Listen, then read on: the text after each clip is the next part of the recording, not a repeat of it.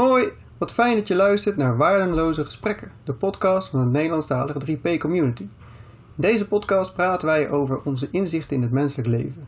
De inzichten die ons hebben geholpen bij het vinden van meer rust en ontspanning. Meer informatie over ons of de werking van de drie principes kun je vinden op onze website 3pcommunity.nl. Veel plezier en veel ontspanning tijdens het luisteren. Hoi Merel. Hoi Mikael. Jij begon laatst over een onderwerp en toen dacht ik, oh, daar zat ik ook aan te denken. Ja, het onderbewuste. Het onderbewuste. En de grap was een beetje dat we allebei op een andere manier daarover dachten. En dat we allebei toch zaten te denken aan hoe zit het dan met de drie principes. Ja. En Ja, het klopt, onderbewuste. Ja, ik was er eigenlijk vooral mee bezig met dat er zo vaak gezegd wordt dat er iets in je onderbewustzijn speelt of is of hangt of weet ik hoe je dat moet noemen. Mhm.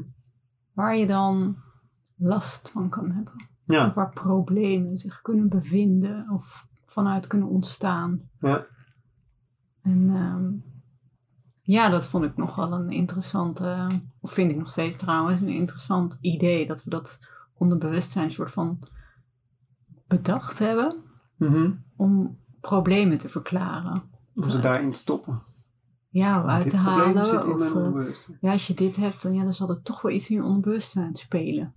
Oké, maar hoe, hoe, hoe zit dat dan? Hoe moet dat zien? Wat is je onderbewustzijn? Vol- Volgens... Ja, weet ik, ik weet natuurlijk niet precies wat de, theorie erachter is vanuit de psychologie. Laat dat even duidelijk zijn. Ik kan hem erbij pakken. Oh, je kan dat. Oké. Niet, eh, ik heb al gevonden dat er meerdere zijn, dus dat is al een hele interessante. Maar deze die ik nu hier heb, het onderbewustzijn omvat alle psychische processen die het bewustzijn niet waarneemt. Oké. Dus dat is wel een hele algemene. Ja, maar dan stel ik me zo voor dat dat dus het, eh, een proces kan zijn als je iets herinneren. Ja. Of eh, staat dat er ook dan? Ja, toch oh, hebben ja. de voorst- voorstellingen, gedachten, herinneringen of motieven die in het onderbewustzijn opgeslagen zijn vaak een bepalende invloed op onze bewuste reacties. Ze spelen een belangrijke rol bij ons dagelijks doen en laten. Volgens mij zeggen we hiermee eigenlijk gewoon dat, er, dat het denken zo snel gaat. Ja. Zo snel dat wij niet zien hoe dingen in ons... eh, Hoe het ontstaat, zeg maar. Zo'n kluwe gedachte. Dat noemen we dan ons onderbewustzijn. Ja, dat stel ik me daar eigenlijk bij voor. Je kan soms ineens midden in een, eh, een gevoel van onrust zitten, bijvoorbeeld. Vanuit angst of zo. Maar je kan soms helemaal niet gelijk achterhalen waar, hé, waar komt dit ineens vandaan?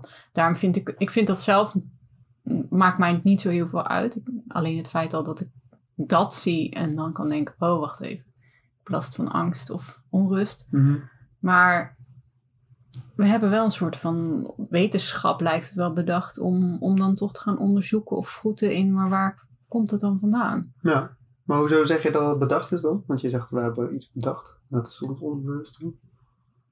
Ja, om dingen te kunnen verklaren. We, we willen heel graag, de, mens is volgens mij ontzettend nieuwsgierig en, eh, en wil dingen begrijpen en kunnen en indelen en ordenen. En, nou ja, en dan, dan is het best wel handig om, om eh, of dan, dan denk ik dat je, je brein je automatisch eigenlijk wel antwoorden geeft op vragen als, maar waarom voel ik me nu dan angstig? Mhm. Hoe kan dat? Eh, en ik heb het helemaal niet doorgehad dat ik ergens aan dacht, hoe kan dat? Maar dat is dan wel of niet je onderbewustzijn? Nou ja, ik denk dat dat eigenlijk een theorie is waar we wel of niet in geloven. Ja. Of je, je kan niet zeggen of dat waar is of niet. Er gebeurt natuurlijk wel van alles in ons brein is super actief. Als je, hè, dat doen ze toch ook met van die leuke plakkertjes op je hoofd. De EEG is dat geloof ik. Mhm. Dat je hersenactiviteit gaat, eh, gaat meten. Nou ja, dan zal je vast wel ontdekken dat er ontzettend veel activiteit is Ja. in ons brein. Ja. En wat is dat dan normaal? Nou, misschien is dat dan wel het onderbewuste. Ja. Zo zat ik er een beetje over na te denken. Ja, ik dacht hem, ik dacht hem zelf eh, de andere kant op een beetje. Ja, want ik, had, eh, ik heb ooit een boek gehad, ik weet niet of het nog steeds ergens staat, maar dat heette Het Slimme Onderbewustzijn. Waarschijnlijk heb ik het stiekem gedaan. Ja, ongetwijfeld. en dat is heel goed. Het slimme het- onderbewuste. Ja, en dat ging erover. Klinkt Dat, positief. dat was ook een, een, een wetenschappelijke theorie natuurlijk. En dat is dat je in je bewustzijn, dat is, dat noemen ze dan een soort van je werkgeheugen, als je het vergelijkt met een computer. Dus dat is het geheugen wat altijd actief is en waarin alles, alle berekeningen gebeuren, zeg maar. En het onderbewustzijn was dan het, eh, het achterliggende geheugen, daarachter zit. En ze zeiden Lange termijn geheugen. het lange termijn geheugen. Ja. En ze zeiden van ja, de hele grap is, je moet meer op je onderbewuste eh, vertrouwen. Dat dat ding kan doen, want het kan veel meer dan je bewustzijn. Want dan, dan Hmm. gaven ze van die voorbeeldjes, ja, je kan bijvoorbeeld reeksen met cijfers onthouden. Maar als je een reeks met cijfers in je bewustzijn probeert te onthouden, dan komt een mens niet heel veel verder dan, weet ik veel, 12 cijfers of zo. ik. Daarna kan je het eigenlijk niet meer onthouden. Terwijl je onderbewustzijn, je kan veel meer onthouden dan 12 cijfers. Dus ze zeggen van ja, je kan zo'n zo'n reeks met cijfers kan je bijvoorbeeld een paar keer zien. En dan weet je onderbewustzijn hem omhoog te halen, terwijl je bewustzijn het niet actief heeft vastgehouden. Zeg maar.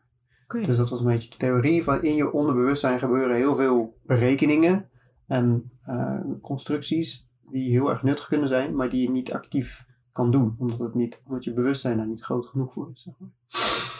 En- Klinkt echt als een heel ander soort van toepassing dan Ja, hoe ik me inderdaad in verliefd. Ja, precies. Want dit is een soort van meer de positieve kant. Van hij Ja. zit, blijkbaar doet je onderbewustzijn van alles en nog wat zonder dat je het door hebt. Ja. En moet je heel erg vertrouwen op de conclusies die daar af en toe uitkomen.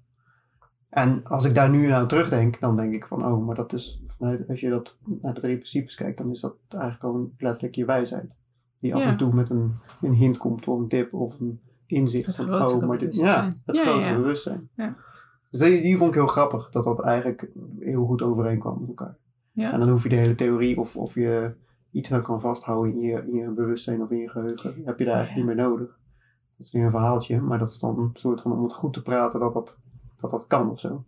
Ja, het komt, het komt op mij ook een beetje over, want we kunnen toch niet helemaal verklaren waarom je dan ehm, toch ineens zo'n cijferreeks weet, Ja. bijvoorbeeld. Ja, hoe heb ik dat dan gedaan? Ja, nou ja, onze, onze zoon is eh, topografie aan het leren op dit moment. Ja. Dus die leert allemaal eh, Ja. steden. En wij hebben dan ooit begrepen dat je dat het beste kan leren door gewoon heel vaak die rijtjes te oefenen, te herhalen.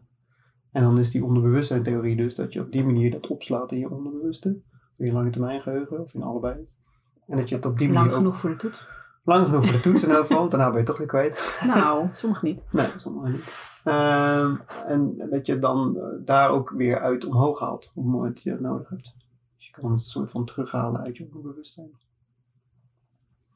Maar ik heb tot nu toe, en misschien dat hij inmiddels wel is, maar ik heb het nog niet gezien, heb ik nog geen verklaring gezien voor wat het dan is. Dit zijn alleen maar beschrijvingen van wat het doet. Namelijk, onderbewustzijn doet onbewust allemaal dingen.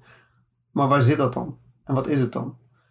En dat is, is al een moeilijke vraag, omdat je met je bewustzijn ook al niet kan aantonen. Dus dan wordt je Ja. onderbewustzijn nog veel moeilijker. Maar ik heb het idee dat je het een beetje nog ingewikkelder maakt dan het al is. Omdat je nou nog een tweede ding erbij verzint wat ook niet aan te tonen is. Alleen maar om te verklaren waarom iets werkt zoals het werkt of zo.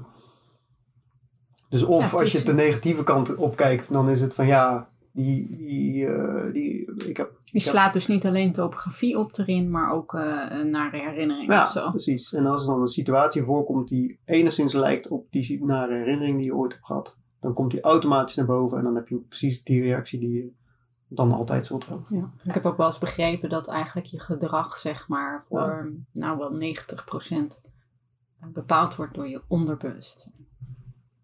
Maar 10% bewust. Dus je Dat gedrag, is zo'n theorie. je bewuste gedrag wordt voor 90% bepaald door je onbewuste.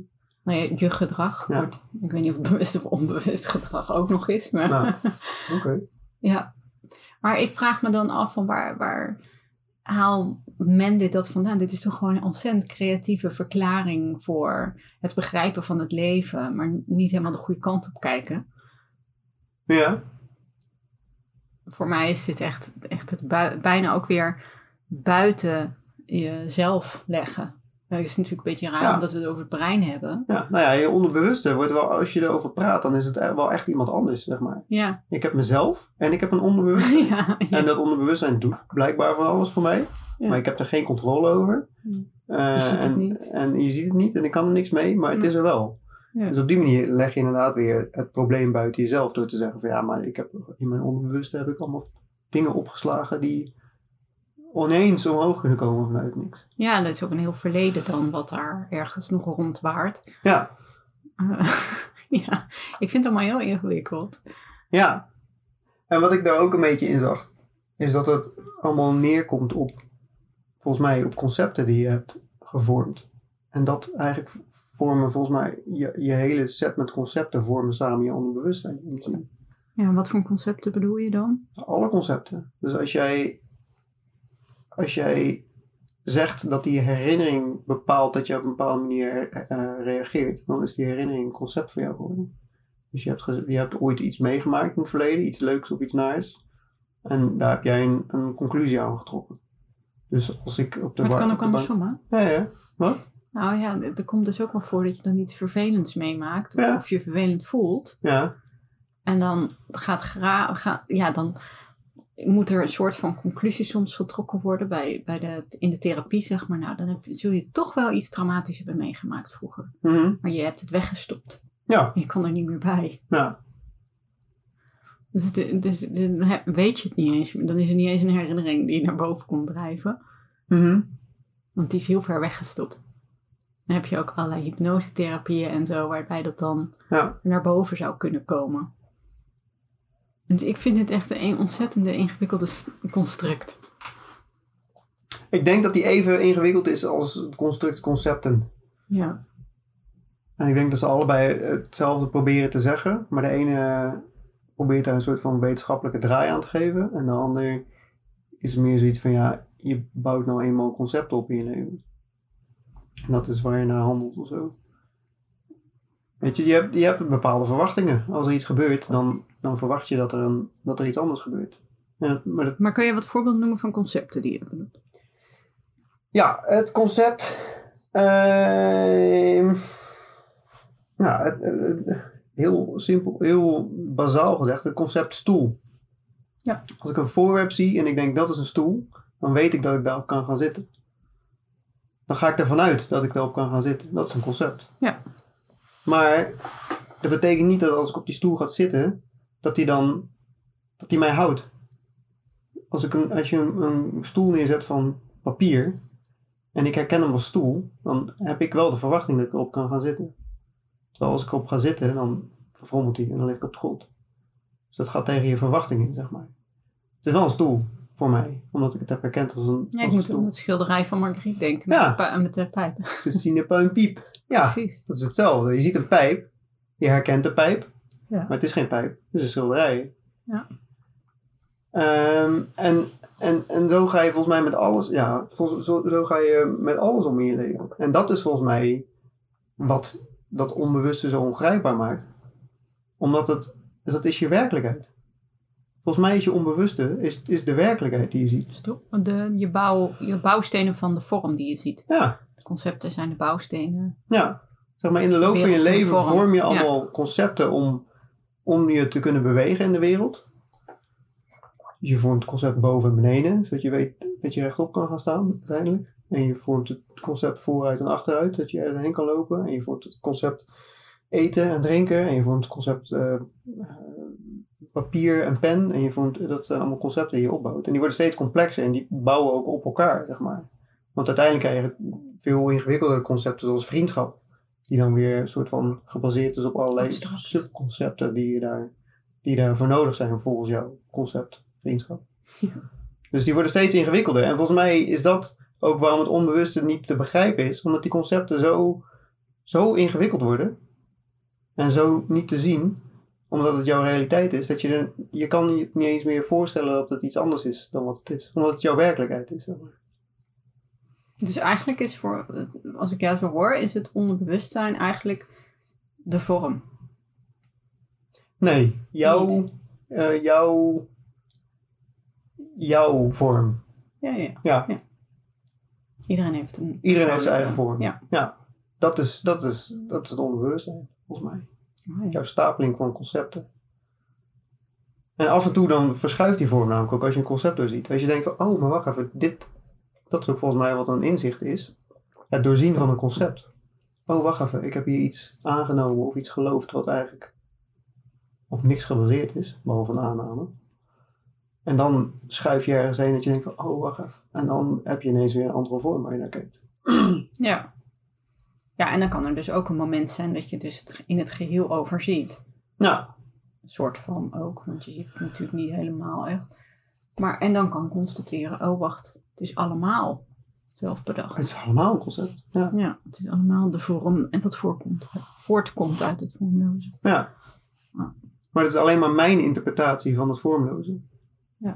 Maar ik zat dus eerder, je hebt hem heel erg mooi gepast inderdaad in de Ja. ehm, principes, eh, de drie principes. Mhm. En ik had meer inderdaad de invalshoek van, jeetje, wat hebben we toch ook weer iets bedacht waardoor we ons problemen kunnen analyseren en, en Ja. weer een schuld aanwijzen waardoor wij ons voelen zoals we ons voelen. Ja. Want we willen ons niet voelen zoals we ons voelen.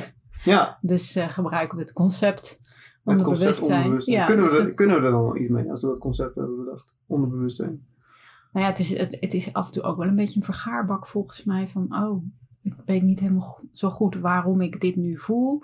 eh, of waarom eh, deze heftige emotie opkomt. Of waarom ik dit nou eigenlijk deed. Mhm.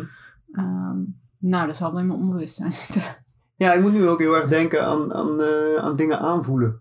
Er heel veel mensen die dingen, die dingen zeggen. Die ze- mensen die zeggen dingen te kunnen aanvoelen. Dus ze lopen ze ergens binnen en dan zeggen ze, ja, ik voel de sfeer hier of zo. Ja, En dat noemen ze dan ook meestal dat dat uit het onderbewuste voortkomt. Dus het onderbewuste heeft iets waargenomen. ja. Je hebt onbewust iets waargenomen, waardoor je hebt, iets hebt kunnen aanvoelen of zo.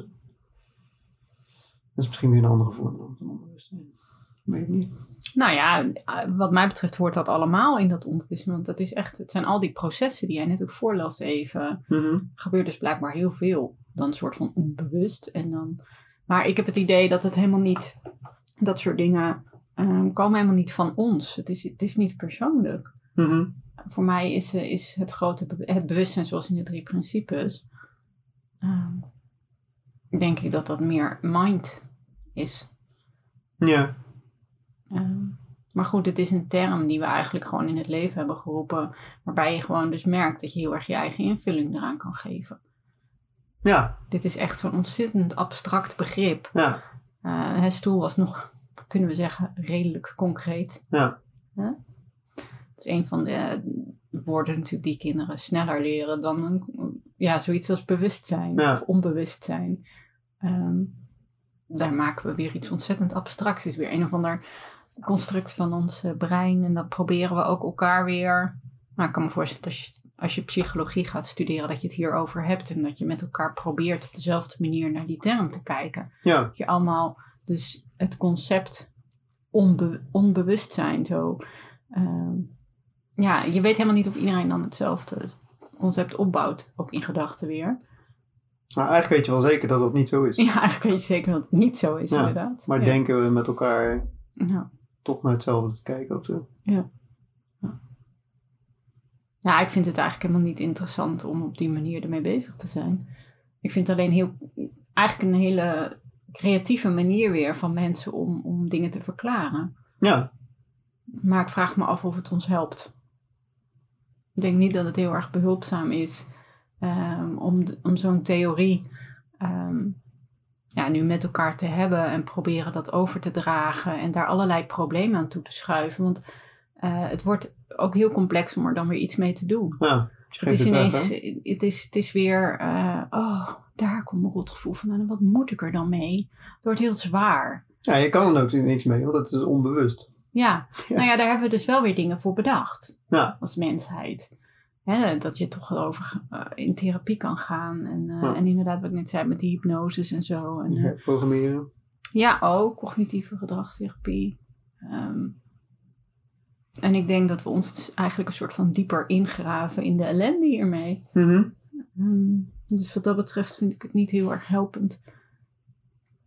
En natuurlijk komt er een, een, soms ineens een gevoel helemaal door je heen. Je zit er helemaal middenin. En, eh, en weten we met elkaar ook heel vaak niet precies waar dat vandaan komt. Mhm.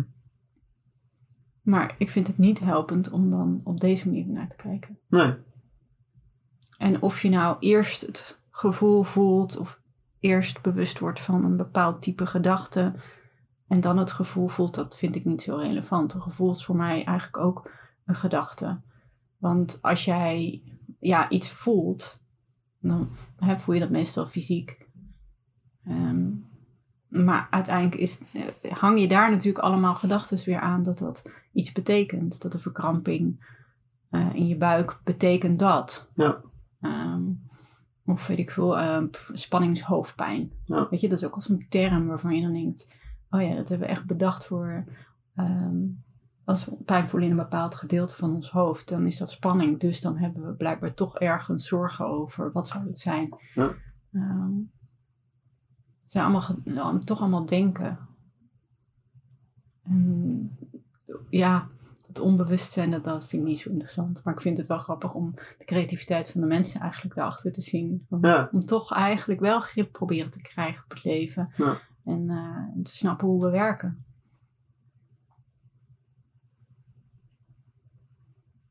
Maar ik heb er niet zoveel aan, vind ik. Nee. Nee. Nee, ik zou ook niet weten dat je, je... Je kan er ook niks mee. Nee. Dus heb je er dan wat aan? Nee.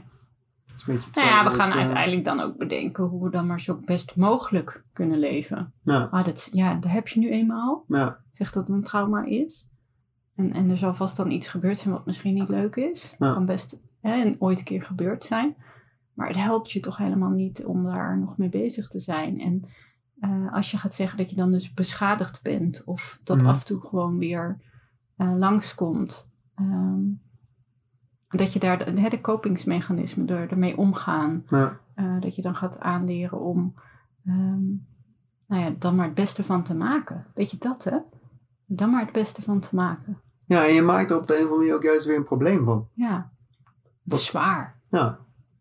Het is net zoals als, als Het je is helemaal niet fris. vindt dat je last hebt van de zonlicht. Ja. Dat je dan denkt van ja, maar er moet wel iets. Ik heb zo'n last van het zonlicht, dus daar moet, daar moet wel iets mee gebeuren. En dat is wel. Dan wordt het ineens een probleem dat er zonlicht is. Terwijl het er gewoon altijd is. Dus je kan het ook niet als een probleem proberen te zien. Nou ja, kijk, kan- eh, dit ja. is natuurlijk wel als je.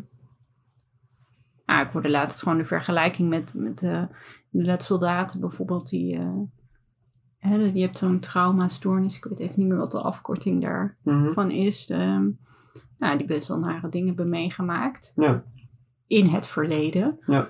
Ehm, en dat er dan ook wel. ehm, wat zei ze nou? Ja, stel je voor dat je gewoon elk, dat je altijd een dagboek schrijft. Ja. Je hele planken vol hebt met dagboeken. Nou ja, die dagboeken waar dan die nare dingen staan, ja, die ga je er gewoon niet meer bij pakken. Ja. Misschien pak je ze per ongeluk af en toe een keertje. Maar daar hoef je niks mee. Ja. Je hoeft daar niks mee in het moment dat je bijvoorbeeld weer ehm, gaat solliciteren voor een andere baan.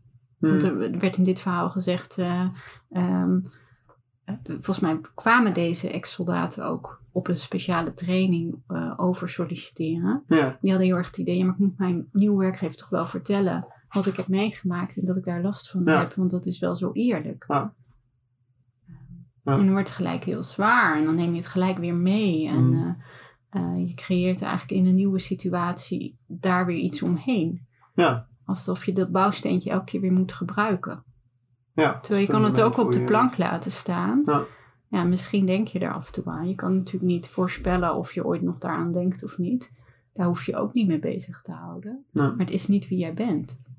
Nee, het is iets wat je mee hebt gemaakt.